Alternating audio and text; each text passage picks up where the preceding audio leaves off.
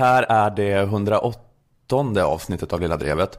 En samtidskommenterande podcast med mig, Ola Söderholm. Och den här veckan har jag med mig både kvinnlig fägring och manlig fägring. Moa Lundqvist, Jonathan Unge. Hej på er. Hej. Hejsan. Eh, Det här är en podcast som görs för Aftonbladet Kultur och i samarbete med Akademikernas A-kassa och fackförbundet Jusek. Mhm. Det är juristerna. Ja, bland annat. Bland annat. Ny sponsor.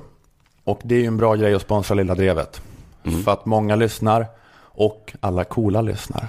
Ja.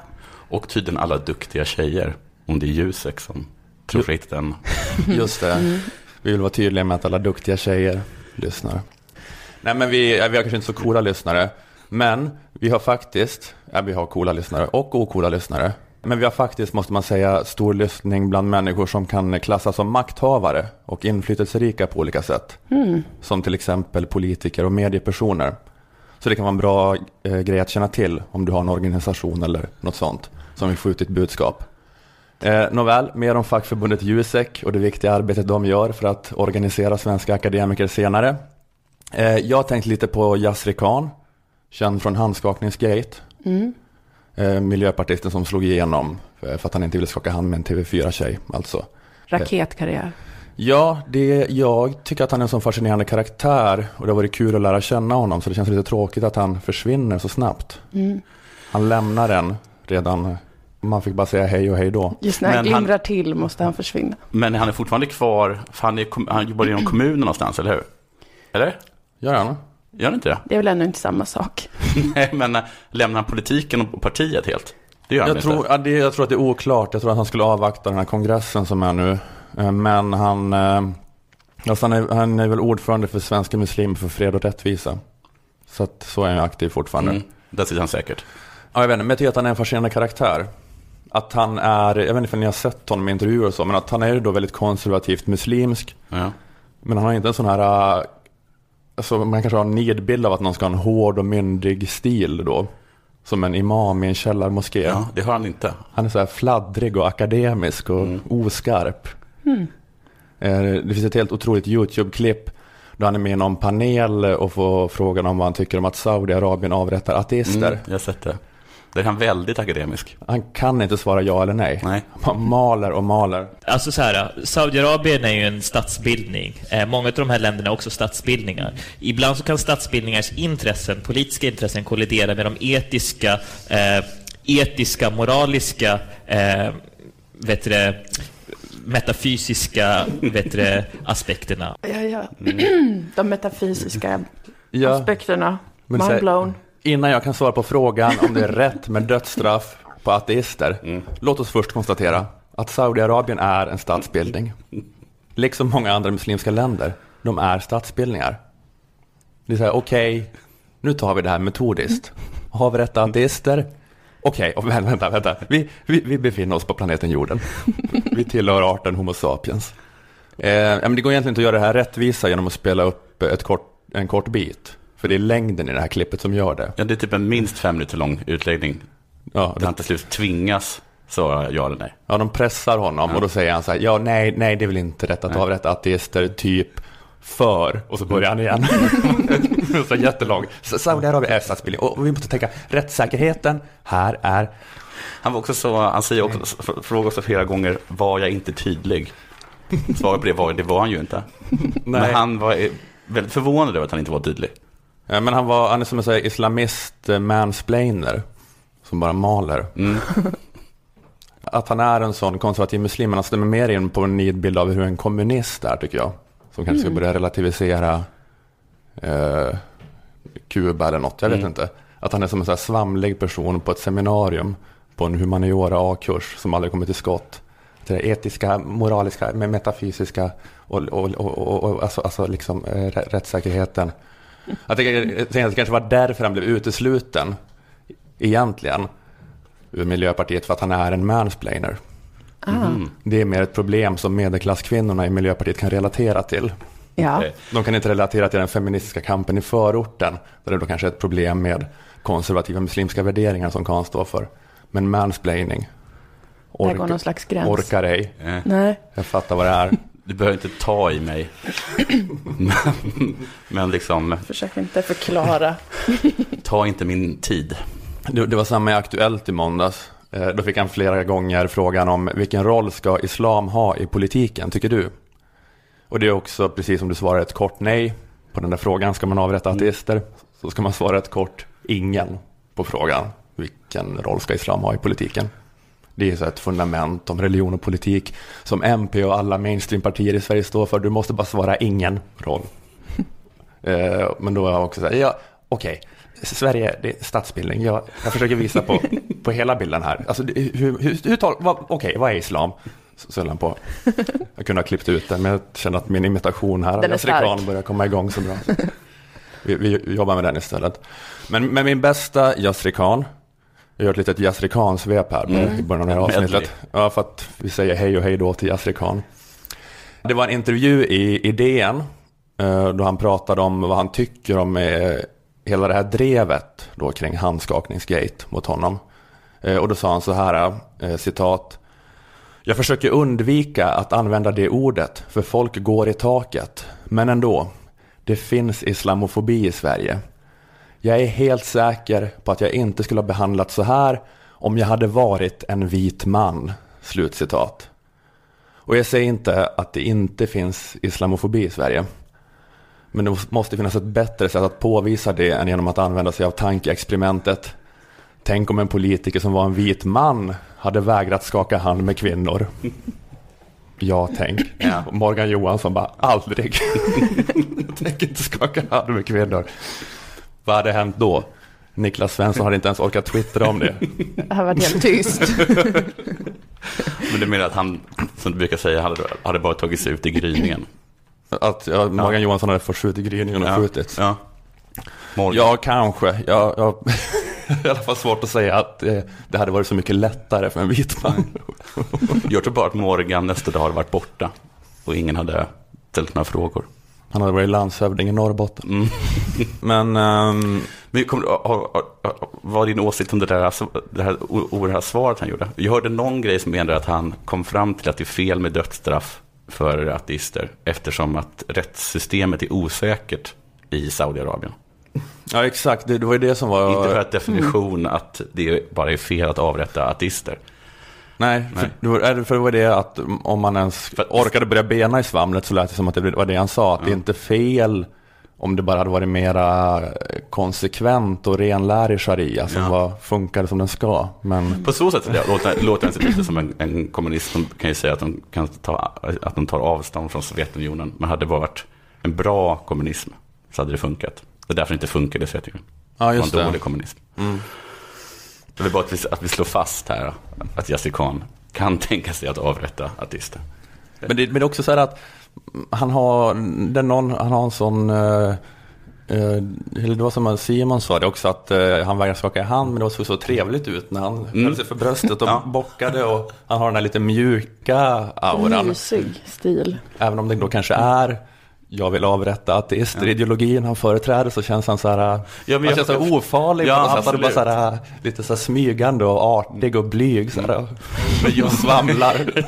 jag, jag misstänker att även om Saudiarabien skulle få till ett rättssäkert system så skulle han hitta något mer som skulle göra att det, inte, att det är okej om, om, det är en, om det är en rätt sharia. Men att han skulle hitta ytterligare exempel på något som gör att vi inte kan avrätta ateister. Just han är för det i princip men kommer alltid hitta ett kryphål. För att slippa. Ja, Nej, men han, är som, en sån han, is- islamist. han är som en sån då som har... I princip islamist. Ja, exakt. Men han är för mjuk egentligen för Ja. hela ideologin. Man är som, Ja. han är som, som kanske Jonas Karlsson var i någon av de här nazistfilmerna på 90-talet av Dali Fridell. Han är lite jag är med i nazistgänget. Men när det kommer till kritan och vi ska spöa upp någon så klarar jag aldrig av det. Jag, jag är en snällis. Ja. Är det inte bättre att bara sätta, sätta judarna i ett getto? Eller vem är jude? Nu, okej. nu har nazisterna äntligen tagit makten. Men vad är en jude? Men sluta nu, Yassir Khans nazist eh, motsvarighet. Men vem, vem är en jude egentligen? Alltså, jag, självklart ska vi avrätta, men, men jude... Ja, jude är ju både en religion eh, och eh, ett, ett folk, va? Håll käften, nazist Khan. Kan vi inte bara avrätta dem? Och så går inte det. Ja, Det kanske är en idé till en film att det är så här Yasri Khan får ta över som så här, översta ayatollah i Iran och Mm. bara De blir tokiga på honom. tokiga på dem att han är så Ja, ska, vi, ska vi bomba lilla Satan eller? Mm. Israel är en stat. Ty, tycker, du inte att, tycker, tycker du inte att det är lilla satan? Jo, jo, jo, jo, jo, men alltså, jo, jo, jo. Men säg det bara då. Ja, jag trodde att jag var klar, tydlig när jag sa att Israel var lilla Satan. Förlåt, vad, vad är det tydligare? Förlåt, förlåt. Jag, Alltså, jag, jag, jag, tyckte det. Säg bara ja eller nej. Ja, ja. Det är bara svaret att säga. Israel är Satan. Lilla Det var först min eh, tanke att jag skulle tala om den nygamla trenden med kulturdebattartiklar som är ironiska, Ja, eller i vart fall sarkastiska. Som har en väldigt raljant ton. men sarkastiska är de inte näst, nästan oftast. Ja, kanske då. Men då är det bara använt mot eh, kulturdebattartiklar då. Men den trenden som jag menar är alltså att, att den är lite, att de är nästan som ironiska. De målar upp, de målar upp en bild. Fast de, de menar egentligen lite, lite tvärtom. Ja, men, det- men det är ju lite speciellt att man har så, bara ett sånt stilgrepp genom hela artikeln. Mm, att man pre- lo, pre- låtsas precis. vara någon annan. Eh, och hur irriterade de är att läsa sådana artiklar. Jag tycker- Det har kommit ganska många sådana på se- senaste tiden. ja, Jag tycker bara att man ska säga vad man tycker. Okej. Istället för att jag måste spegelvända det ni eh, skriver i mitt huvud. ja, det är mer jobb. Ja, jag har annat för mig än att spegelvända kulturdebattartiklar i mitt huvud. Städa till exempel. Ja, Det gamla i den här trenden, för jag sa att den var nygammal, det är ju att det här är ett, ett grepp som har funnits sedan antiken. Eller i alla fall sedan 1700-talet. Men det känns väldigt så här, äh, vad heter han, Jonathan Swift, Du, satir, eller? Snyggt och guldstjärna. Att eh, man skriver någon sån artikel om att irländarna ska börja med kannibalism. Eller? Just det du. Exakt så det var. För han skrev en artikel om svälten på Irland med tipset om att irländarna eh, då kunde äta sina barn istället. Om de inte hade potatis. Eh, det nya eh, i den här trenden är att man nu svarar eller kommenterar dessa relianta artiklar med samma stil. just det. Sami Said, eller Sami Said, S-A-I-D, utan det. Said, ja, jag vet inte. Sami Said, Sami Said skrev en sån här artikel i Expressen om den nya integrerade muslimen och hur den ska vara. Jag väntar, när kommer Muslim 2.0? Hette artikeln. Och han tycker att det drevats för mycket då, Ja, att muslimer som är politiskt aktiva, att, att de... eh, Exakt. Ja. När är det nog? Och så slår han fast att muslimer får vara 15% muslimer. Då är det, då är det nog liksom. Stil, sarkastisk. Han får sen medhåll av eh, Allen, eller Alain, eller Alén. det är omöjligt att uttala. Sture Allén? Det är förnamnet. Okej. Allen. Alan. Alen. Alen. Alain. Uh, Musa, vänta. Musa Fenedic. Oh, shit. Alen. Musa Fenedic. Jag ber om ursäkt för att jag, men jag kan å andra sidan inte uttala några namn. Nej, Nästan. jag vet det. Så att eh, jag går fri. Du är misstankar. ursäktad. Jag kan Stefan. Eh, han skrev en artikel som hette Det är jag som är muslimen 2.0. Och den är skriven i samma sarkastiska raljanta stil. Jaha, Mm. Hittar en egen stil, Ja, Alen. han bara gillade Said så Ja, han gillade och liksom svarade på samma- den med exakt samma Ja, stil. fast han, han, han tyckte tvärt emot Nej, Said. Han, eh, bara, så det var inte ens ett svar. Det var bara en person som skrev en En exakt likadan artikel. ja. Hur som helst så tycker jag att det blir lite konstigt med två artiklar med samma stil. Alltså att svara på en raljant, eller kommentera en raljant sarkastisk artikel med en raljant sarkastisk artikel som inte är emot, utan som håller med. Inte hade liksom ett anspråkslöst förslag, som Jonathan Swiss artikel hette, liksom hjälps av att en komplementerande, eller kompletterande artikel av en författare menar att irländare också bör äta sin egen avföring. Alltså att någon svarar med exakt samma stil. Att man hänger på, inte en, ra- inte kan väl, man kan inte, det, själva grejen med en raljerande artikel är att den är raljerande. Ja. Det så kan att inte komma till burn. raljerande artikel. Nej, Nej, men han kanske, det är att vi lever i tiden utav meme. Så han, mm, just det. så han tänkte, det här är bara ett meme nu. Man ska bara haka på alla olika trender. Ja, okej. Men gör inte det. vara. Nej, det, det tar ju styrkan ur den Det tar styrkan ur- ur den första. sarkasmen och ironin. Ja, verkligen. Du hjälper inte, du skälper, Ja. Alén. Nå, det, det får vara hur det vill med den saken, för det blev inget av det. Nej, det blev Nej, jag inget gjorde av- inget på det. Inget, du tänkte Det ingenting? föll mellan stolarna. Ja, okej. Ja, ja. Mm. Vi, har inte börjat ännu. Nej, nej. Okej, det var bara upp, upptakt. Sen hade jag istället tänkt att tala om Expressen eh, i en artikel uppmanade att islamister ska sluta gnälla på att de inte får ha höga positioner inom Miljöpartiet, utan de kan starta ett eget parti istället. Okej. Och så tänkte jag kanske snacka om det underliga faktum att islamister vurmar så mycket för miljöpolitik. För vad gör de annars i Miljöpartiet allihop? Det blev inget av med det. Okej, Vad mer har jag inte gjort? Städat. inte det heller. Men det är ju inte mitt fel. Det är ju Said och Alens fel. För du var tvungen att läsa och försöka förstå vad som I var mitt huvud. ironi. Spegelvända deras artiklar. Så jag beslöt mig för att omfamna min inre Jonas Hallberg, som jag blivit anklagad för att likna. Och tänkte därför presentera hans spaning, Okej. som är hyfsat upp, uppbyggd, underbyggd. Vem är han, får jag fråga det? Han är den eh, eh, eh, lite charmigt virriga gubben i Spanarna i P. Jaha. Det låter väl som en äldre version av mig. Va? Ja, ja, ni är samma person. Mm. Rakt av. Ja. En av de bästa spanarna är när han går iväg under en spaning och gör kaffe. Jag älskar den. Så jävla rätt. Eh, Men den här spaningen som kommer nu, den är helt okej, men den är inte purfräsch. Okej, Men det gör ingenting. Nej. Ibland måste man sparka in öppna dörrar absolut. för att påminna alla. Kolla, den här dörren är öppen. Kör. Just det. Så då börjar Moa gå in här och, vara Jessica Gedin då. Ja. Som, bara- som bara ger dig energi och så här, leder dig Kom igen igenom det nu här. Jonathan. Det här är nu, bra. Det här är nu, säkert nu, bra. Nu blir det något bra. det hör jag det. Oj vad kul Nu, det här rädd, nu blir. räddar vi det här. Nu räddar vi det här Jonas. Vi tar oss igenom det här. Och jag Vi bör... ska, vi ska, kom- vi ska komma på varför den här spaningen har någonting. Jättebra. Jag och Moa. Har det bara en twist på slutet så är det lugnt. Och jag börjar med, som jag utgår ifrån att Jonas Hallberg alltid gör när han börjar en spaning, genom att presentera resultatet av en googling jag gjort. Märk väl Bra. hur trött min parodi på Jonas Hallberg är. Att jag bara utgår ifrån att han gör någonting och tar till det här trötta, trötta gre- greppet. Att påstå att någon börjar med en googling. Men spännande tycker jag. Mm. Du har, du har inte hört det här, men du bara känner på dig att det är den nivån av slapphet. Men det är också en slapp parodi. Nåja, jag googlade... För att du är Jonas Hallberg. Precis. Du kan inte Det är, så separera. det är, så, det är något moment Det är så himla 22. meta. Du är, ja, du är perfekt för Ja. att göra en parodi på Jonas Hallberg. Men eftersom att du är Jonas Hallberg är du för slapp för Ja. att orka göra den. Så att det är, ja. Ja, det fick du någonting att bita i. Alla makthavare som sitter och lyssnar på det här.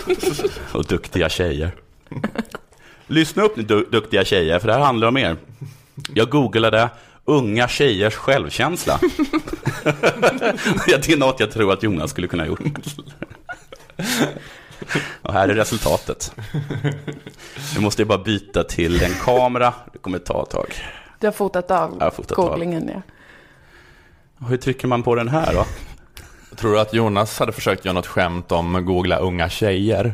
Och vad som kom upp då? Nej, jag tror inte han är sån. Nej, nej ingen, Inte så, så ingen cheeky. buskis. Nej. Nej. Gör en sån paus. Jag googlade unga tjejer. Självkänsla. Jessica bara, haha. Där satt den. Flickors dåliga självkänsla handlar om vuxenvärlden. Vill stärka tjejers självkänsla. Jag bara läser upp Ja. resultat då. Facebook skadligt för unga eh, tjejers självkänsla. Svenska kvinnor får allt sämre självkänsla. Dag med fokus på tjejers självkänsla. Unga tjejer mår allt sämre. Unga tjejers självkänsla stärks. Gröna framsteg. Ta ställning. Ett projekt som ska stärka unga flickors självkänsla. Socialdemokraterna. Tjejverkstan. Uppsatser. Unga tjejers självkänsla. Dramautbildning stärker unga tjejers självkänsla. Ska stärka unga tjejers självkänsla. Nyheter, Folkbladet. Och så fortsätter det. helt Fryshuset. Unga tjejers självkänsla. Avbryt inte Jessica. Unga tjejers självkänsla. Otto Johansson. Ung kvinna Sverige. Självkänsla BRIS. Vill stärka tjejers självkänsla. Gällivare. NSD. Vet inte vad det är för någonting. Norrländska socialdemokrater. Vi stärker unga tjejers självkänsla. Lundagård. Självkänsla för unga tjejer. Annorlund perspektiv. Oj, vad dålig självkänsla de har.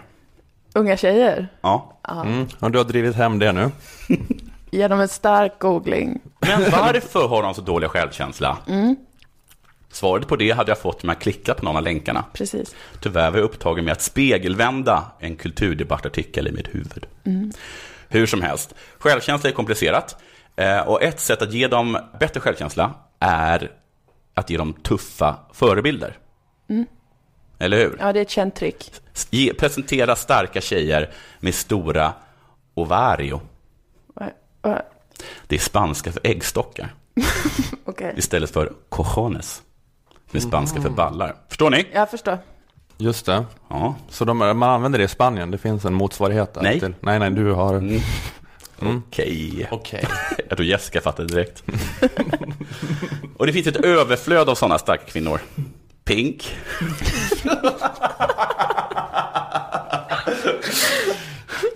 Håll med mig. Jessica. Ja, Pink är jättebra. Eh, Beyoncé. Bra. Arya Stark. Yes. Rebecca och Fiona. Och så då med alla de här samhällsinstitutionerna som stöttar tjejer och inte minst Barnkanalen. Och nu kommer det Okej. till Spanien, något jag sett på tv. Oj, vad det är arbetat med barns självkänsla. Nu kommer jag jag för ett eh, exempel som inte bara handlar om unga tjejers självkänsla. Ta bara Vem vet mest Junior på Barnkanalen. Där tar deltagarna, eh, även killarna då, när de blir presenterade en selfie av sig själv, Hur små är de här barnen? 12 Aha. i liksom, de presenteras, eh, Jessica, så ser man dig och så ser man att du tar en, en selfie av dig själv och sen får man se selfien. Hmm. Amen. Hallå. Och det förbättrar självkänslan? Ja, men det är för att, för att de ska väl se lite, är det inte det att man ska ta en selfie så får man bättre självkänsla? Jo, så kan det vara. I den här liksom världen, den här, liksom, den här tiden av eh, självcentrerad. Ja, men det känns väl som en sån grej som man ändå är emot då. Att man ska Mm. bygga sin självkänsla på, På sån, selfies. på selfies och Ändå gör de det. på Barnkanalen. Nu har de bytt ut det där. Då. Så istället så presenteras en, del, en deltagare och sen får den personen gå och ställa sig i mitten. Och sen får gö- göra en cool pose. Okej. Så att det ska vara mer fokus på det de gör och inte hur de ser ut. Ja, fast det, de ska göra en cool pose, så det är jättemycket hur de ser ut. Ja, Oftast gör killarna mycket häftigare poser än tjejerna. Tjejerna vinkar mest. Men jag tycker att inget säger jag är trygg i mig som att vinka lite lätt. Jämfört med en 12-årig kille som stirrar in i kameran med sitt warface. Alltså helt sjuka poser gör de. Killar i åldern 10 till 25. Men signalerar inte... Det är jordens oskönaste varelser. Här gör jag en utvikning. Ja. Det gör Jonas också ibland. Herregud vad jag hatar killar i åldern 10 till 25. Vilka jävla stolpskott. Exempel. För ett tag sedan kom det fram en kille till mig i åldern 20. Och så frågade han om jag hade barn. Och då sa han att jag ska aldrig skaffa barn. För jag har lyssnat väldigt mycket på, vad heter han, Bard? Alexander. Alexander Bard och läst Nietzsche. Och de menar att om man skaffar barn så är man bara feg. Binder sig själv. Vågar inte göra någonting. Det låter som en 20-åring du har hittat på. Nej! Alla är sådana. Hej, jag har läst... Jo, alla är ju sådana i och för sig. Ja. De är ju det. Mm. Alla Människor 20-åringar som har läst. Nietzsche. Läs killar åldern 10 till 25. Det är jordens avskum. Tänkvärt.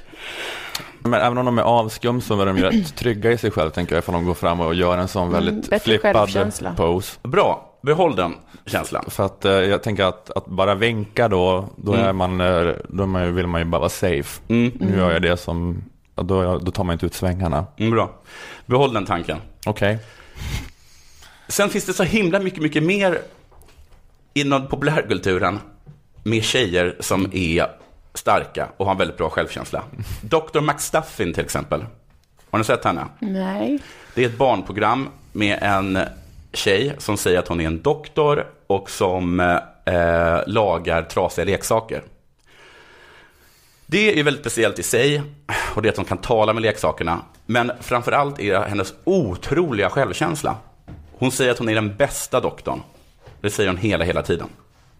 Eh, vad är det, är tecknat? Ja, det är animerat skulle jag säga. Okej. Dataanimerat. Men bland, blandas, blandar inte du ihop självkänsla och självförtroende här?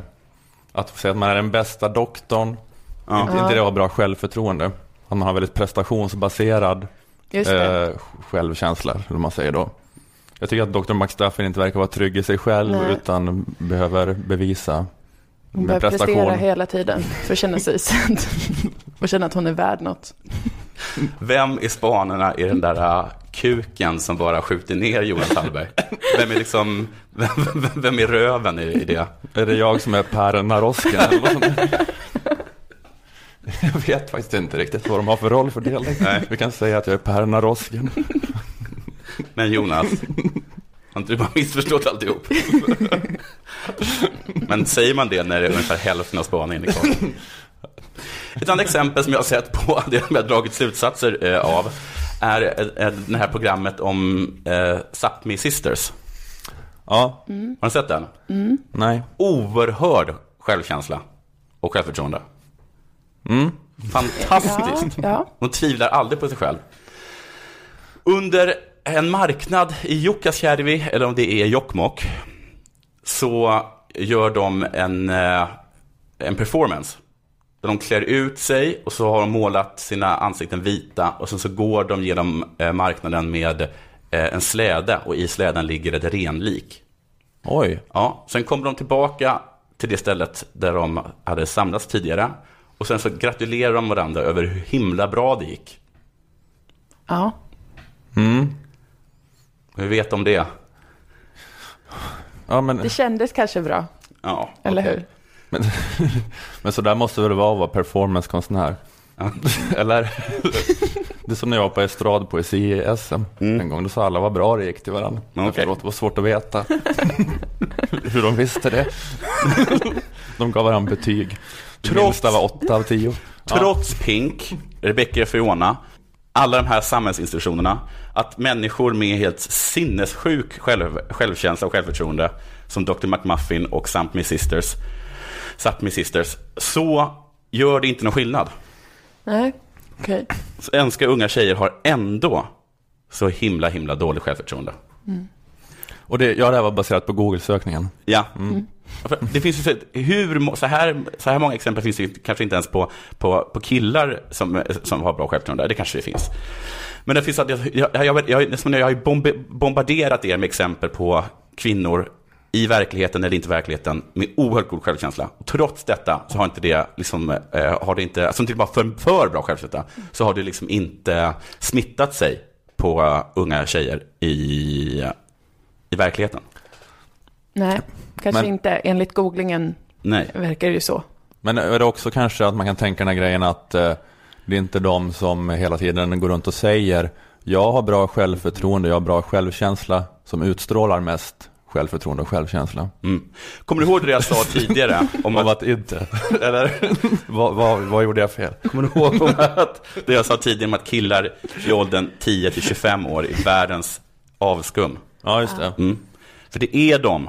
Och just det här att trots att tjejer blir bombarderade med den här propagandan så biter inte. Och det säger något om hur underbara tjejer är. För de ser igenom det. Det är skitsnack det här. Det är ju propaganda.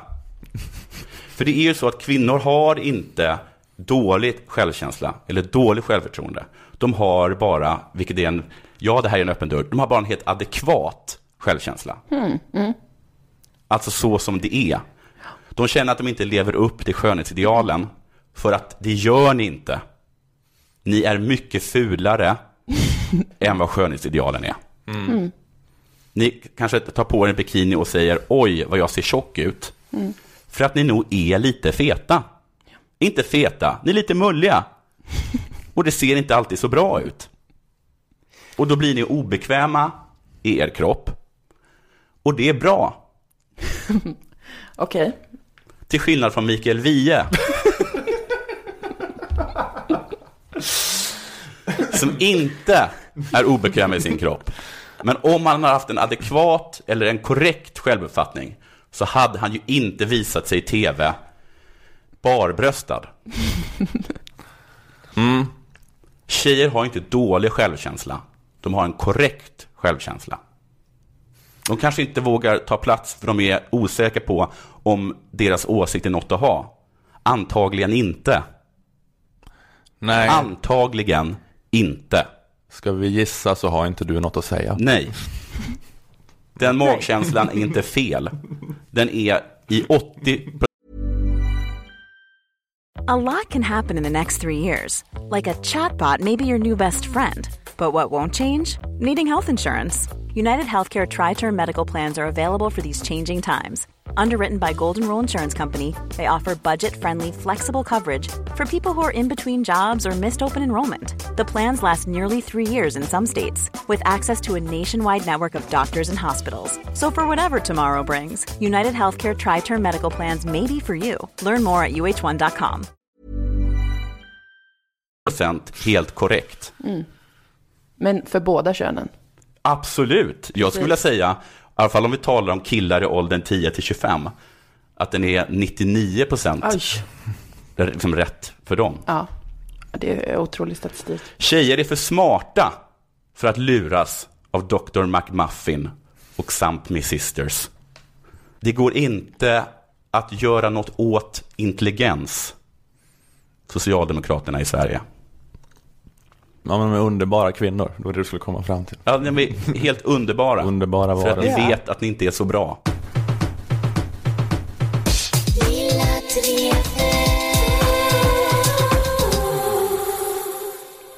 Som jag sa i början eh, av avsnittet så har vi fackförbundet Jusek med oss som sponsor.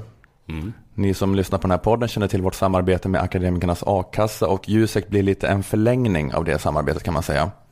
Akademikernas är a-kassan för alla som är eller är på väg att bli akademiker Eh, och Jusek är ett fackförbund som organiserar akademiker. Jusek är det ledande akademikerförbundet för jurister, ekonomer, systemvetare, personalvetare, kommunikatörer och samhällsvetare. Ganska många som kan sorteras in Snyggt. under de rubrikerna. 85 000 medlemmar har Jusek. Och eh, en viktig anledning till att gå med i Jusek är en förbättrad inkomstförsäkring. A-kassan ger som ni vet ersättning på 80% av lönen för den som blivit av med jobbet, men bara upp till 20 000 kronor. Alltså man får 80% av en lön på upp till 25 000 i månaden. Men sen får man ju mindre än- än 80%, för det blir aldrig mer än 20 000. Mm. Men de flesta som jobbar i branscher som organiseras av Jusek, de tjänar ju mer än 25 000 i månaden. Okej, Ofta betydligt mer. intresserad av vad det här är för jobb. Ja, nu börjar ni ångra att ni inte blev lönearbetare. Fan, Varför skulle jag bli ett ko- mer än 20 000? Va? Varför blev jag ett komikerfyllo som jobbar med Swish och Patreon? Känns ju helt fel nu. löntagare. Nej, men eh, de tjänar mer än 25 000 i månaden oftast. Och då kan det bli ett stort eh, inkomstbortfall om man förlorar jobbet. Men om du förutom a-kassan också är med då i fackförbundet Jusek och tar del av deras inkomstförsäkring så är du skyddad ända upp till 80 000 kronor. Herregud. Så mycket kan man väl inte tjäna? Du får 80 procent av lönen upp till 80 000 kronor. Oj! Vad har jag gjort? Vad i helvete har jag gjort? Det börjar gå upp för mig nu att det här är inte... Hur länge då? I, eh, jag tror att det är 120 dagar. Nu satte du mig lite på pottan här, Förlåt. men ni får gå in på jusek.se och dubbelkolla det här. Men det är, just det, man kan få, det är en ersättning på 64 000 då. I, eh, potentiellt ifall du, ifall, du, ifall du tjänar 80 000 i månaden. Du ska ha gjort det först. Mm, Okej. Men eh, i alla fall, det här är ju det ena av det då. Men facket erbjuder inte bara ekonomisk trygghet utan hjälper dig att ta tillvara på dina rättigheter, jobba för att stärka din ställning på arbetsmarknaden på, på alla möjliga sätt. Eh, Jusek finns på din sida genom hela karriären. Som medlem får du tillgång till personlig rådgivning, seminarier, nätverk, lönestatistik, hjälp med ditt CV med mera. Eh, du kan läsa mer på jusek.se och också få information om, om hur du går med. Så att eh, du som är samhällsvetare, ekonom, kommunikatör, jurist eller jobbar inom HR och IT, gå med i Akademikernas A-kassa och Jusek. Det kostar totalt 351 kronor per månad. Ja, men det är alltså 351 kronor i månaden då för att bland annat få en inkomstförsäkring på upp till 80 000. Mm. Och är du redan medlem i Akademikernas kostar det bara 251 kronor till. Eh, Så att, tack så hemskt mycket Jusek. Oerhört härligt Ja, att ha er med. tack. Mm, tack. Jag har ett, ett tips till fackförbund hur de ska vara relevanta i framtiden. Eh, och kanske speciellt då till sådana som Jusek och sådana saker.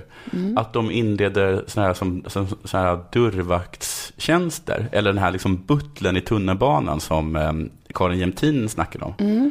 Att man säger, vi stödjer dig genom hela liksom, ditt, din, ditt Att de ska arbete. stå så. Nej, men att man kan ringa till Jusek och bara, eh, hej, jag hämt, kan, hinner inte hämta ungarna idag. Men de ska vara en allround i hemmet också. Eh, det- Ja. Förutom att hjälpa till med ens fackliga rättigheter, också hämta barnen. Har du jobb? Ja, då har jag antagligen ganska mycket att göra. Men vem ska handla åt dig? Det är medlem i Jusek. Men du, varför, men du tycker bara att fackförbundet ska börja jobba med sånt här? Ja, Ta hand om barn? ja men speciellt med sådana såna fackförbund som har hand om människor som tjänar 80 miljoner kronor i månaden. Då tror jag, jag kan tänka mig att de skulle tycka det var ganska soft med, vad ska man göra med Roysen om man har varit full och, och gått hem från Rish? Men ring Jusek, så kör vi hem den. Eller något sånt. Förstår du? Ja, jag förstår. Jessica, Jag, jag hänger med. Men det är att, okej. Det är en ganska bra idé. Men det är sådana idéer liksom då bara som eh, chaufför, eh, förskola och eh, hemkörning av mat, städning. Allt det kan egentligen fackförbunden ska in och konkurrera på alla de, Ja. i alla de Ja, verksamheterna. precis. Om du går med så får du inte bara 8 miljoner kronor garanterade i månaden om du får, och, självklart så hämtar vi också barnen. Ja, nej men absolut. Misse måste kastreras. Ring facket. Ring. Slipp alla jobbiga turer till djursjukhuset. Facket kommer hem till dig. Skär Klipper, kuken av den och åker hem igen. Ingen uppgift är för svår. Läs mer på jusek.se. Nej men jag tycker att, eh, ja vem vet vad framtiden har i sitt sköte ifall de kommer expandera sina verksamheter så här. Men jag tycker att bara det där redan är idag, inkomstförsäkring och Ja. så vidare, det räcker som argument. Det är också bra. Ja. Och eh, skriv gärna i din ansökan om du tog steget och gick med i Jusek eh, tack vare den här podden. Och skriv också gärna i sociala medier under hashtag Lilla Drevet. Eh, och detsamma gäller ju akademikernas, eh, som ni vet, ifall ni går med där. Eh, var helst med i båda, som sagt. Tack akademikernas och tack Jusek.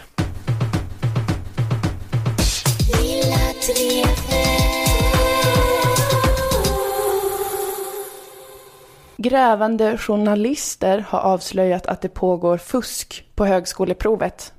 En SVT-journalist har gått undercover och upptäckt att det är jätteenkelt att eh, betala pengar och sen lyckas få högsta resultat på högskoleprovet. Skandal och pinsamt och tråkigt. Det verkar som att flera personer som fuskat sig till sina högskolepoäng nu faktiskt går på prestigeutbildningar som juristlinjen och läkarlinjen på Karolinska. Skojare som blir läkare på Karolinska. Nej, nu blommar löken. Kanske någon smartass skulle ha sagt. Är det inte det pinsamma att de gör jättebra ifrån sig på de utbildningarna? Mm, Nu vet ju inte jag om Nej, det vet vi ju inte. Nej. Nej. så det är bara en chansning. Men hur som helst, att fuska sig till högsta betyg på högskoleprovet är enligt SVTs grävande journalister lätt. Det går Ah, till ja. så här. En trådlös öronsnäcka, ett kopparhalsband och en dosa uppkopplad mot en mobiltelefon. Det är allt som behövs och på själva provdagen garanterar nätverket att de rätta svaren ska levereras i örat. Frågorna på provet fotas av personer med dolda kameror och skickas till en central där några i nätverket sitter och tar fram rätt svar som de meddelar vidare. Jättelätt. Jättelätt. Det är, det är lika enkelt som att ha med en fusklapp. Allt du behöver är 100 000 kronor, ett kopparhalsband, trådlös öronsnäcka, en dosa som kopplas till mobilen, samt ett nätverk av samspelta genier som kommunicerar med flera samtidigt under provdagen. Superlätt, för lätt känner man ju. Hur kan det vara så lätt att fuska? Eh, Vad är kopparhalsbandet till? för att stärka signalen. Ja, är det sant? Mm. Men herregud vad smart. Ja, jättesmart. Det är bara, det är bara som en sån här Oceans Eleven-stöt Ja. Det jätteenkelt. så. Hur kan det vara så fruktansvärt enkelt? Allt behöver är en låda, en vigd dvärg, ett geni på IT. Och en som är väldigt bra på att ta människor. Det säga George Clooney. Person som... Det är hela kittet och sen är det bara att köra. Det finns inga problem med den här planen whatsoever. Universitets och högskolerådet, de ansvarar ju för högskoleprovet. Det är en svensk statlig myndighet och de är ledsna över det här fusket och säger att det måste stoppas. De säger också att de har inte möjlighet att spåra den här typen av fusk för att den tekniska utvecklingen har gått fram så snabbt. Så att de har liksom inte hängt med. Ingen är förvånad. Men Universitets och högskolerådet vill ju komma åt det gen- genom att liksom nu göra olika åtgärder för att det här inte ska kunna hända igen. Okej. En av de åtgärderna som de vill eh, ska införas är kroppsvisitering innan högskoleprovet. Och det är något som är väldigt ovanligt att få hålla på med. Bara Polismyndigheten och Försvarsmakten får kroppsvisitera folk, för det finns liksom, Och på fo- alla fotbolls... eh, jaså? Alla, för man blir inte kroppsvisiterad när man ska inte in på det- fotbollsarenor. Det kanske Men man de kollar väskor i alla fall. Ja, väskor tror jag inte räknas som kroppsvisitering. För att för att komma åt den här kopparhalsbandet Mm. och den här öronsnäckan så måste de ju liksom kolla kanske under ens Mm. kläder och sånt där. Det skulle innebära vissa etiska problem kanske, när det är också 80 000 elever som skriver det två gånger om året. Det tar så himla lång jobb. tid också. Ja, men det ska ändå nu utredas och eh, man ska titta på de här förslagen. Det finns lite eh, fler förslag också på hur man ska komma åt fusket. Men det kommer ju ta ett tag, får man ju tänka, innan man kan liksom försöka ordna det här. Ja. Det kanske tar några år innan man inför till exempel kroppsvisitering. Och om några år, då kommer den tekniska utvecklingen ha gått ännu mer framåt. Då kommer fusket gå till på ett helt annat sätt. Kanske att man, liksom, man opererar in ett chip Mm. i hornhinnan som visar ett bra tv-program. Opererar in ett annat chip i handen som skriver alla rätta svar på högskoleprovet. Oj, vilket det är superbra. Det är ju, men det är ju så avancerad teknik och det är ju så den eh, utvecklingen ser ut. Men när, vid det laget så är det, kommer ändå högskoleprovet ha spelat ut sin roll för vi behöver inte mänsklig tankekapacitet längre. Nu ska inte du vara så dystopisk. Högskoleprovet kommer alltid finnas kvar och vara vår Varför viktigaste Varför mätinstrument. skulle våra, varför skulle våra eh, robothärskare sätta oss och göra, oss, göra, göra högskoleprov? Eller, men varför ska vi utbilda fler ingenjörer? Ja, allt är redan uppfunnet. Allt redan uppfunnet. Och de, vi har robotar som bygger allting. Jag tror att vi alltid kommer behöva svara på frågor som, vad betyder den här grafen? I all framtid så kommer det vara viktigt med högskoleprovet. Så att den tekniska utvecklingen går ju snabbare framåt än vad universitet och högskolerådet gör. Det är inte en kränkning att säga det, utan Nej, det är nog sant. inte. Och vad ska de göra i framtiden då, när man opererar in de här chippen? Mm. Ska de stycka alla? Stycka alla innan de gör högskoleprovet? Det är bisarrt. Och jag blir förbannad över att det liksom ens insinueras att det är något sånt som ska behöva hända. De kommer inte kunna hålla jämn takt med den tekniska utvecklingen på högskoleprovet. Så man tycker att man ska ge upp inför det här? Jag har, jag har självklart en, ett förslag på hur man kan förhålla sig till det här fusket istället. Och det är ju att se glaset som halvfullt. Kanske vidga vyerna för vad som, är, liksom, en- vad som kvalificerar folk till högre utbildning. Är högskoleprovet i sig själv så fruktansvärt jävla bra? Kan man våga fråga? Ja, Det behöver man inte bara fråga om man var dålig på högskoleprovet, utan alla kan ställa sig den frågan. precis. Men du menar, du menar inte också att det kan vara så att en person som, som fuskar Kanske, kanske det, vill lite mer? kanske är lite mer av en andra. go-getter. Ja. För högskoleprovets frågor, alla de är så här. Här är ett diagram, säg vad det betyder, utan att använda internet. Där svaret ju finns redan, Mm. men du får inte använda det. Varför? Därför. Så är varje fråga. Vad, vad betyder ordet elyseisk? Svara på den frågan. Ja. Men använd inte din mobil som du annars skulle ha gjort. Och som också hade varit det smartaste alternativet då. Ja, men för de som gjorde det här fusket nu, Mm. den här liksom Oceans Eleven-stöten, alltså de bör ju få komma in på någon agentutbildning Ja, och det är exakt det jag menar. Se glaset som halvfullt. De har liksom förmåga att samarbeta och hjälpa varandra. Mm. De har visioner, de är go-getters, som sagt. Vill vi ha massa läkare och jurister och annat som har suttit hemma varje kväll, läst en bok? Eller vill vi ha sådana här personer som lyckats, ett, samarbeta med ett nätverk av människor. Mm. Ja. De måste liksom vara flexibla, socialt kompetenta etc. Två, lyckats spara ihop 100 000 kronor. Vem fan gör något sånt? Ja. Och tre, använt avancerad teknisk utrustning. Ja. Som de flesta, de flesta i Sverige kan inte sätta på en DVD. De vet inte vad en, vars, vars play-knappen är. De här människorna har ett kopparhalsband och en liten osynlig hörsnäcka. Det, det är enkelt att lista ut att de här personerna har en särskild kompetens. Och det är det som högskolerådet, universitets och högskolerådet måste försöka se. De kan liksom, man kan ställa de här sakerna mot varandra, högskoleprovet versus den här kuppen. Vad, är- vad är svårast av att veta ordet conjoined på engelska? Vad det betyder på svenska? Är det svårast? Eller är det svårast att spara ihop 100 000 kronor för att köpa sig in och få ett bra resultat? 100 000 kronor, 1 900 öl på en bar. Ja. Och det har de här människorna stått över. År efter år för att få ihop 100 000 kronor. Det är ju helt sinnessjukt vilka liksom kämpar. Verkligen, verkligen. Men, men, visst, är det, visst, är det, visst känns det som den rätta vägen att gå och se den här kompetensen, att liksom eh, sitta och fylla i ett papper medan någon talar i en hörsnäcka. Ja. Det är ju svårt. Jo, men också Det är sån här- må- många klarar inte det ens. När du väl kommer in på utbildningen, Mm. så de som klarar utbildningar, det är ju de som förstår hur man fuskar. Alltså Mm. Precis. egentligen så är det bara hur man knäcker ett system. Har Exakt. Mm. man lyckats knäcka ett system, det, är då du är, det, är då, det är då man vet att du är mogen eller har intelligens nog för att ta dig till det man, man ska göra. Till visst. exempel när man läser på universitetet, då ska du inte läsa alla böcker. Nej, du ska hitta de ska hitta- exakta kapitlen så du inte behöver sitta och läsa en massa onödiga sidor. Ja. Precis, det vet ju alla, alla eh, spioner och smarta agenter Ja. och annat.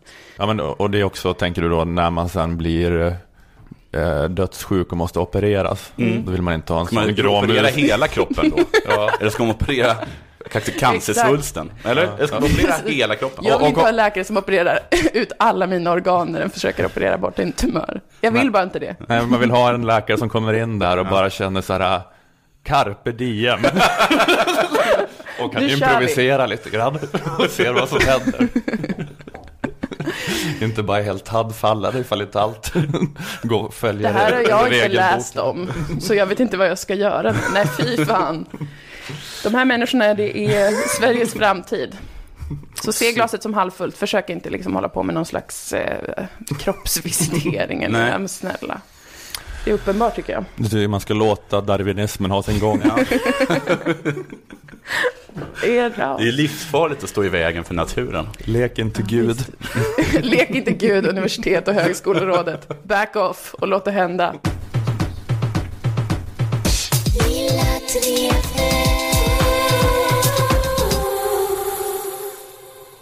Jag tänkte att vi ska prata om den här äh, omtalade antinazistiska bilden.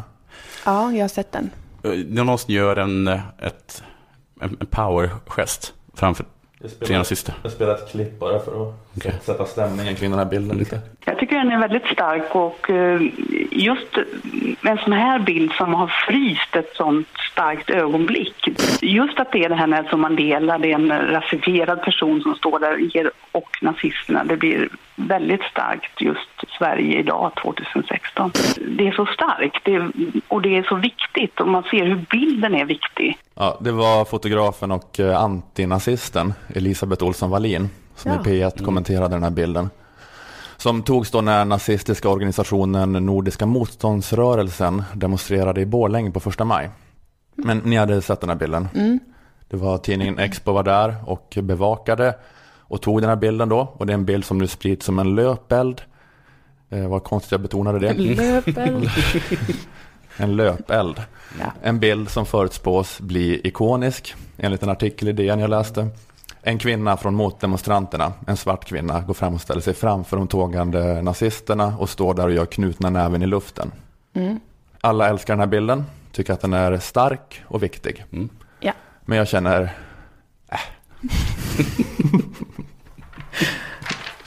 Okej. jag vet inte fan. Jag vet inte om jag tycker det var så jättestark. Eller jätteviktig. Mina, Förminskar var- du den här menar du att det var inte direkt han som stannade, som stoppade äh, vad vad heter det, äh, stridsvagnarna på Himmelska fridens torg? Det är, det är en stark bild. Det, ja, ja, precis. Det var lite mera... Ja, men för det var som att eh, alltså Expos fotograf David Lagerlöf som tog bilden sa så här till TT om varför han tror att bilden har blivit så spridd och berörde så många. Eh, citat. Jag antar att det är det här klassiska, en person som ställer sig i vägen för flera ganska skräckinjagande personer. Att det är lite David mot Goliat. Slutcitat. Men ska man vara petig så är det väl ändå nazisterna som är David. Ja. Vi har väl ändå ett politiskt klimat i Sverige idag där det är nazisterna som är David och antinazisterna som är Goliat. Och det var inte det de menade. Om man prompt vill sympatisera med den som är underdog så ska man ju heja på nazisterna. Mm. Det får man ändå, den grejen har nazisterna going on. Att de, de är underdogs. Och du, du menar att det inte var det de menade? Nej, men de menade vilka, vilka var så oerhört starkt de där tre nazisterna. Att bara, bara stå där helt tysta. Det är så de har tolkat varför den blivit så stor. Inte låta sig skrämmas av en expo-fotograf. En rasifierad. Alla de här vänstermän som står och skriker framför. Bara stod där. Helt tysta. Mm. Ja, ja, det kanske jag kanske har missförstått allting. Och det kanske Expo har bytt inriktning senaste veckan. De här modiga små människorna som vågar stå Med upp. minoritet och de vågar ändå gå ut. Nej men det, var en så, det här var en otrolig kraftsamling av nazisterna. Mm. Det var inte bara SMR, Svenska motståndsrörelsen, utan det var de nordiska. Så det var nazi- nazister från Sverige, Norge, Danmark, Finland som samlats i Borlänge. Och de var 300 eller 150 personer. Jag har läst olika i olika Okej. artiklar. Ganska klent med nazister i Norden ändå. Mm. Eh, så de är liksom som David då. Det det kommer på att det är subtil, subtil nazistsatir att säga att de är som en av Israels stamfäder. Mm. Skitsamma. Eh, I alla fall.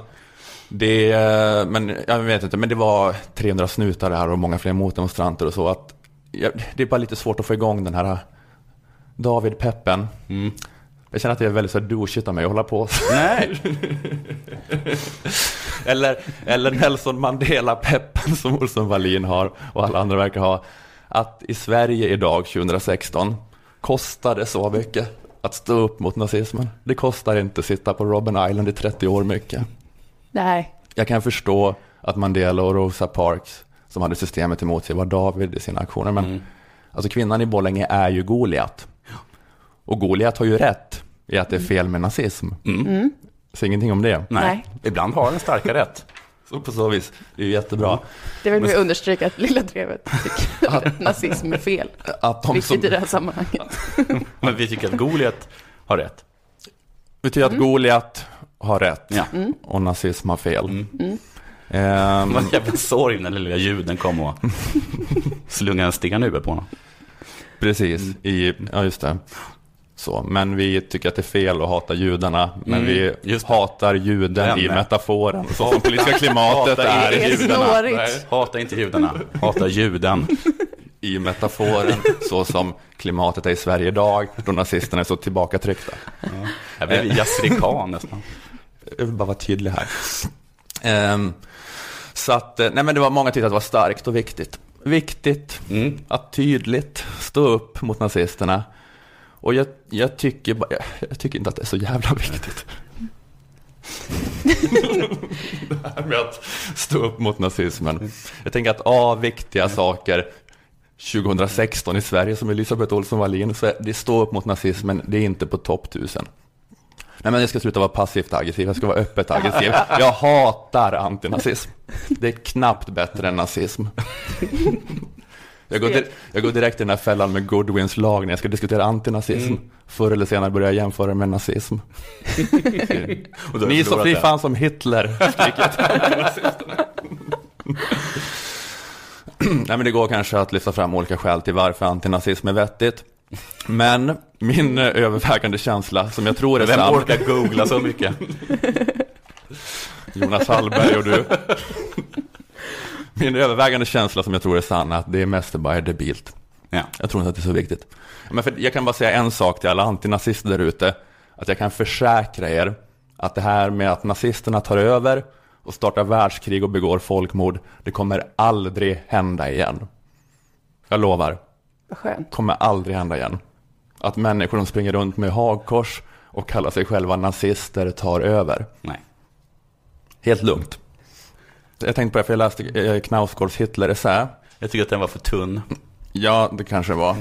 Men han skriver om det och det kanske många andra har gjort. Jag tror han kanske hänvisade till någon. Men han skrev att, och det är en viktig, bara självklar poäng, att grejen med nazismen i Tyskland, det var ju att den var viet i samhället. Och om man tror att lärdomen av Hitler-Tyskland är att vi ska alltid se upp med nazister, då har man lärt sig av historien på ett väldigt aspigt sätt. Mm. Att lärdomen från Tysklands mellankrigshistoria är inte att det är nazismen specifikt som är farlig. Lärdomen är att det är vi som är farliga. Vad viet kan bli. Det går liksom inte att jämföra nazister som extremister och nazister som vi. Nazisterna var inte farliga i Tyskland för att de var extremister utan, utan för att de var vi. De var inte så här de onda trollen som anföll och tog över. Utan det kom inifrån. Så det är Expo vi ska se upp med. Vet inte Ser man- vad, jag är med i för podd längre. Ja, men det, och det var inte heller att alla bestämde sig för att eh, nu ska jag bli ett ont troll. Nej. Nej. För så såg inte bilden av nazismen ut då. Nazisterna hade inte nazist, vår syn på nazisterna, på sig själva. Nej, just det. Precis. De, de hade inte gått i svensk skola Nej. på 90-talet och sen blev de nazister. Men det är det som skulle krävas för ett nazistiskt maktövertagande idag. Att alla skulle bestämma sig för att nu ska jag bli ett ont troll. Mm. Men det funkar inte så. Det händer inte, utan alla tänker att de är goda hela tiden. Och har rätt. De, de tänker att de är goda och har rätt och att de vill tillhöra att vi och vi är rättfärdiga. Men så kanske man gör fruktansvärda saker. Ja, men alltså, sen andra världskriget, då är den minsta gemensamma politiska nämnaren för alla människor från vänster till de som är en millimeter höger om nazisterna, det är att nazister är extremister. De är de onda trollen. Så att hålla på med antinazism, Alltså det är nästan motsatsen till att oroa sig och vara vaksam på viet. Förstår ni? Ja, Man har liksom fokuserat eh, fokus helt, helt fel. Då, missar man det som man ska kolla efter. Ja, man håller bara på med något som hela viet är med på. Man ser ingenting förutom ett hundratal avvikare som gormar på en parkeringsplats i Borlänge. Ja. Jag menar, att, att vara vaksam så här och rikta in sin politiska kamp mot alla som går runt med hagkors och kallar sig nazister. Det är nästan det sämsta man kan göra om man vill att det aldrig ska hända igen. Eller jag vet inte om det är dåligt direkt, men det är, det är bland det minst konstruktiva. För det är just den grejen som vi är vaccinerade emot. Det man gör då är att hålla på att bekämpa det vi kan vara allra mest säkra på att vi aldrig kommer bli igen. Så, ja, men så på så vis tycker jag då att antinazism är nazism. För det är motsatsen till att ha en kritisk blick på viet. Det är att ha en blick på det vi alla är överens om är ondska. Så jag säger bara skit i nazisterna. Ja. Titta på oss. Vad finns det för motsättningar? Vilka nya kommer att uppstå? Vilka materiella förutsättningar ska förändras? Men vad, vad är det för jävla grej? Att åka Sverige runt och skrika åt nazistsekter? Vad är det? Vad är det? Men något att göra. Ja. I deras fall tänker jag att det är mycket att de är inne i någon sån här vålds och kränkhetsspiral. Alltså olika sådana vänstergrupper. Ja. Att de har ju bråkat med dem och så här, så att det är någon sån. Eller ett gammalt gruff. Ja men precis, Ja. min kompis fick stryk av nazister. Ja. Och eh, då förstår ju jag att när man är inne i Då något är det sånt. pers- personligt. Ja, och då blir man ju helt galen för man blivit kränkt. Så då, de kan inte tänka klart. Nej. Men jag försöker tänka klart åt er nu. Och jag vet att ni gillar det. Det är bara vi som inte har blivit utsatta personligen av nazister som har, som har en, en korrekt uppfattning om nazister. Nämligen att de inte är så farliga. Precis, Det här är motsatsen till tolkningsföreträde. Ja. Jag ser att ni som har blivit hotade. Ni som mår dåligt över att ni... Det är inte klart. Nej men, eh, jag menar, det kan aldrig hända igen med nazisterna. För de är extremister nu och för alltid stämplade som extremister med en, än någon annan grupp. Och när någon är extremist, då är de inte farliga på det viset. Alltså de är farliga för enskilda. Det har hänt och det kommer säkert hända igen att svenska nazister mördar människor. Men det är ändå inte en potentiellt politisk omvälvande kraft. Eller även om man kan se nazisterna som en samhällsfara, det kanske man kan, så är det, så är det något konstigt, konstigt att så här, demonstrera mot nazisterna. Att det är som att demonstrera mot Hells Angels, tänker jag. Alltså de kan ju också vara en samhällsfara, Ja. det kan det vara med mc-gäng. Men hela mainstream-samhället är ju överens om att det är dåligt. Just det. Det är, det är inga demonstrationer mot, eh, mot gäng. Nej, så, alltså, så det är ju en politisk fråga, eller, så det är ju inte då en politisk fråga för eller emot. Nej. Det som eventuellt är en politisk fråga är ju hur ska de bekämpas? Mm. Vill, vi, vill ni så ha en hårdare lagstiftning som begränsar nazisternas mötesfrihet eller något? Eller ska Säpo och Mona Sahlin göra mer? Men den kampen kan ju inte riktas mot nazisterna. Eller liksom den politiska diskussionen, då får ni ju prata med regeringen eller någonting. Ja. Och också bara att ge nazisterna, jag vet inte, det här. Ska man erkänna dikotomin, det finns nazister och antinazister. Det tycker jag är en konfliktyta som är rejält. Jag vet inte. Ja. Är det inte bara att göra dem en tjänst? Det är inte de bara gladare ju fler motdemonstranter som åker till Borlänge. Jo. Ja, men det tror Desto bättre för dem. De framstår som så stora. Ja, men eh, jo, så det är väl, ja, men ni, ni får väl åka och demonstrera i Borlänge. Men jag, jag tänker på att ni är sopor.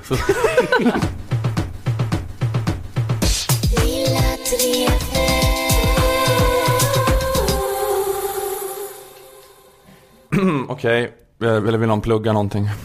Nej. Nej. Jo, förresten. eh, Den 10 maj så är det någonting som heter Smartare än komiker, någonting på Scalateatern. Är det i Malmö? Nej, det är i Stockholm. Kom dit om ni vill. Varför blev du inbjuden till det? Jag tror att alla vet inbjudna till det. Men att de flesta tackar nej. Jag blev inte inbjuden. Well, well, well. Ja, Sorglig stämning det blev. jag... ehm, Det kanske är antagligen för att de tyckte att du var för smart. Bra Desto Jon. bättre nu. Ja, ja. Ja, ja, okej. Det är, Ja. det är inte så kul. Nej, så smarta komiker. nej, nej, nej. Det är bättre med lite smådumma. Så att man, publiken får känna sig smart. Ja, just det. Just det. Ja. Vad bra. Mm. Okej. Mm. Ja, vad skönt att jag slapp vara med på den där dumma kvällen. ja. Ehm, då, eh, då säger vi tack för den här gången. Tack eh, Moa Lundqvist Jonathan Unge. Jag heter Ola Söderholm. Tack Aftonbladet Kultur. Tack Akademikernas A-kassa och eh, särskilt tack till Jusek som gjorde sin debut som sponsor här. Ja. Jättehärligt att ha er med. Och ja, det här var Lilla Drevet, en antinazistisk podcast. för haft, nej. vi, vi hörs igen om en vecka. Hej då. Hej då! Lilla Drevet